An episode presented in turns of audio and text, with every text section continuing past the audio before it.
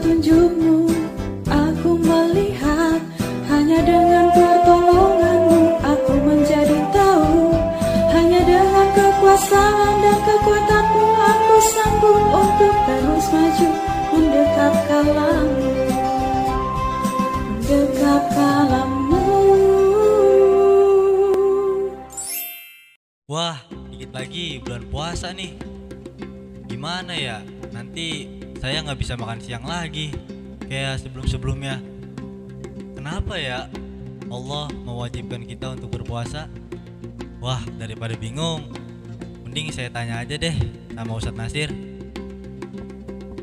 Assalamualaikum. Waalaikumsalam warahmatullahi wabarakatuh. Eh ada Torik. Silakan silakan Rik masuk masuk. Ustadz. Nih duduk duduk duduk. Ya ada apa Rik? Tumben tumben nih main ke sini. Biasanya kalau datang ke sini ada masalah nih atau ada pertanyaan nih. Gimana Rik? Jadi gini Ustadz, saya mau bertanya, kenapa sih kita diwajibkan untuk berpuasa? Nah pertanyaan cerdas nih, menarik. Tapi mungkin yang punya pertanyaan kayak gini bukan cuma kamu, banyak orang di luar sana yang juga punya pertanyaan sama. Nah, untuk itu selain saya menjawab pertanyaan kamu, mari kita sapa dulu nih teman-teman yang sama-sama akan mendengarkan diskusi kita. Sahabat edukasi yang dirahmati Allah, berjumpa kembali dengan saya Muhammad Nasirul Haq, salah satu pengajar di Pondok Pesantren Baitul Hikmah, Bojong Sari, Depok, dalam program Kalam, Kajian Akhlak Muslim. Suara Edukasi Pusdatin Kemendikbud. Gini Rik, tentang tujuan puasa sebetulnya itu sudah dijelaskan sendiri sih sama Allah. Kan kita sering dengar tuh terutama kalau menjelang puasa tentang ayat yang menjadi dasar kewajiban puasa yaitu yang ada dalam surat Al-Baqarah ayat 184. Kamu tahu nggak Rik itu ayatnya?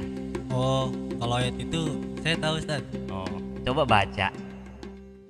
أعوذ بالله من الشيطان الرجيم. بسم الله الرحمن الرحيم. يا أيها الذين آمنوا كتب عليكم الصيام. كتب عليكم الصيام كما كتب على الذين من قبلكم لعلكم تتقون صدق الله العظيم Subhanallah. Diam-diam ternyata merdu juga suara kamu ya. Tapi ngomong-ngomong, kamu kan udah baca tuh tadi dengan suara kamu yang merdu dan khas. Nah sekarang pertanyaannya, paham nggak kamu kira-kira dengan kandungan ayat tersebut? Aduh, kalau masalah paham mungkin saya belum begitu paham, Ustaz. Oh gitu. Ya udah saya jelasin. Jadi gini, dalam ayat tersebut kan Allah sudah menjelaskan yang pertama bahwa diwajibkannya puasa itu sebetulnya bukan hanya bagi kita umatnya Nabi Muhammad. Di situ juga dijelaskan bahwa umat-umat terdahulu sebelum Nabi Muhammad pun sudah diwajibkan puasa. Nah, buktinya tadi di situ disebutkan kan, kutiba alaikumusiyam kama kutiba alal ladzina min qablikum. Nah, itu yang pertama. Yang kedua nih, yang berkaitan sama pertanyaan kamu. Apa sih tujuan kita diwajibkan puasa oleh Allah? Nah, tujuannya seperti disebut Allah di situ la'allakum tattaqun supaya kita dengan menjalankan puasa itu menjadi orang-orang yang bertak bertakwa. Tapi omong-omong nih, pernah kepikiran nggak sih kok apa hubungannya ya kita puasa menahan lapar, menahan dahaga? Apa hubungannya sama takwa?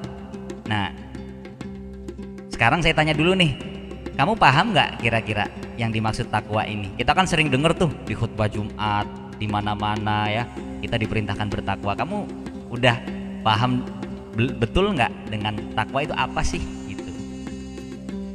Takwa. Sering sih saya dengar khotib-khotib menjelaskan tentang takwa. Cuman saya masih kurang paham Ustaz apa sebenarnya arti takwa itu. Iya. Kalau yang kamu dengar dari khotib-khotib tuh takwa itu gimana sih? Yang sekilas kamu denger gitu? Sekilas yang saya dengar di khotib-khotib biasanya dijelaskan bahwa takwa itu melakukan perintah-perintah Allah dan menjauhi larangan-larangannya, Ustaz. Nah, jadi sederhananya takwa itu ya memang begitu. Jadi para ulama menjelaskan bahwa takwa itu adalah imtithalul awamir wajtinabun nawahi.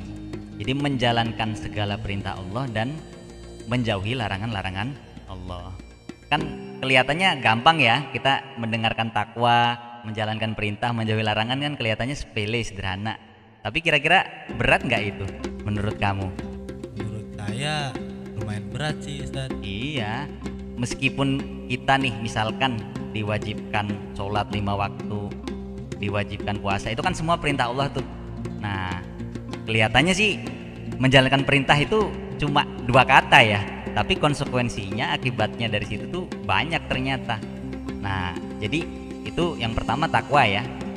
Takwa itu intinya menjalankan perintah Allah dan menjauhi larangannya. Nah, sekarang apa hubungannya puasa sama takwa? Nah, jadi Nabi dalam satu hadisnya pernah menyebut mengingatkan kam min imin laisa lahu min imihi illal ju' wal atash.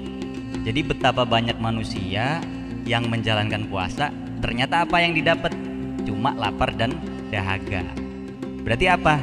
Berarti dalam menjalankan puasa itu kita nggak cukup tuh cuma menahan lapar, menahan dahaga. Apalagi kadang kalau kita pas puasa jadi males-malesan kan ya, jadi sering tidur, jadi mager. Nah kayak begitu-begitu kan. Nah apakah kalau kita menjalankan kayak gitu sudah bisa meningkatkan ketakwaan kita? Nah jawabannya belum.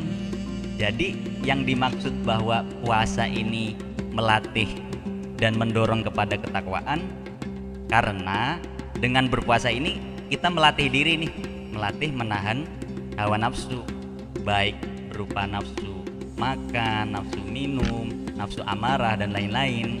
Jadi latihan yang paling penting dari puasa ini sebenarnya menahan menahan nafsu.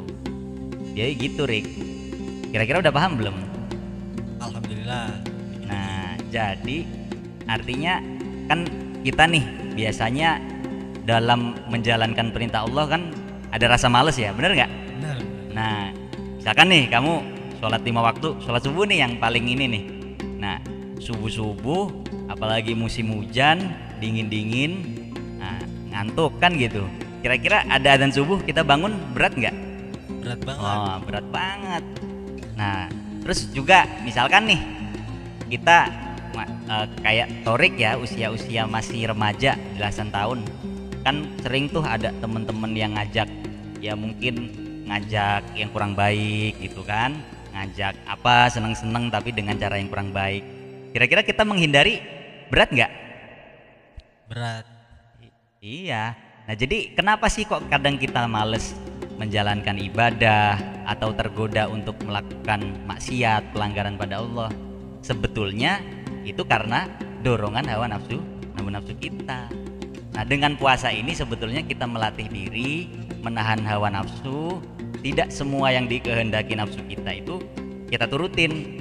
Kita kan pengen makan, lapar kan gitu, pengen makan, haus pengen minum, Nah selama ini kan kita kalau nggak puasa apa aja kita turutin kan, pengen jajan jajan kan itu. Kalau perlu minta orang tua, bahkan kadang kalau nggak ada orang tua, uangnya orang tua diam-diam diambil. Jangan-jangan kamu pernah juga Erik ya. Jadi gitu. Nah itu kenapa? Karena dorongan hawa nafsu. Nah dengan puasa itu kita menahan hawa nafsu. Nah yang terakhir hikmahnya puasa juga disebutkan oleh para ulama dalam beberapa kitab supaya kita merasakan apa yang selama ini dirasakan oleh saudara-saudara kita yang kurang mampu. Kita kan selama ini merasa bisa makan rutin apalagi sehari tiga kali ditambah jajan kan seolah-olah biasa aja ya kita nganggap itu bukan sesuatu karunia yang besar gitu padahal kalau kita lihat saudara-saudara kita di luar sana betapa banyak yang kekurangan Jadi intinya gitu Rik, tujuan puasa itu. Udah semakin paham ya Rik ya? Iya, alhamdulillah Ustaz. Nah, kalau kamu udah paham gini kira-kira menjalankan puasa masih berat nggak? Masih males-malesan nggak? Insya Allah siap semangat. Insya Allah lebih semangat. Alhamdulillah. Mudah-mudahan bermanfaat Rik ya. Amin. Ya, mudah-mudahan puasa ini kita diberi kelancaran oleh Allah Subhanahu wa taala. Sahabat suara edukasi yang dirahmati Allah, demikianlah penjelasan tentang hikmah dan tujuan dibalik syariat ibadah puasa. Semoga bisa bermanfaat dan menambah keimanan kita kepada Allah Subhanahu wa taala terutama dalam menjalankan ibadah puasa di tahun ini. Sampai jumpa di episode selanjutnya. Dekat dalam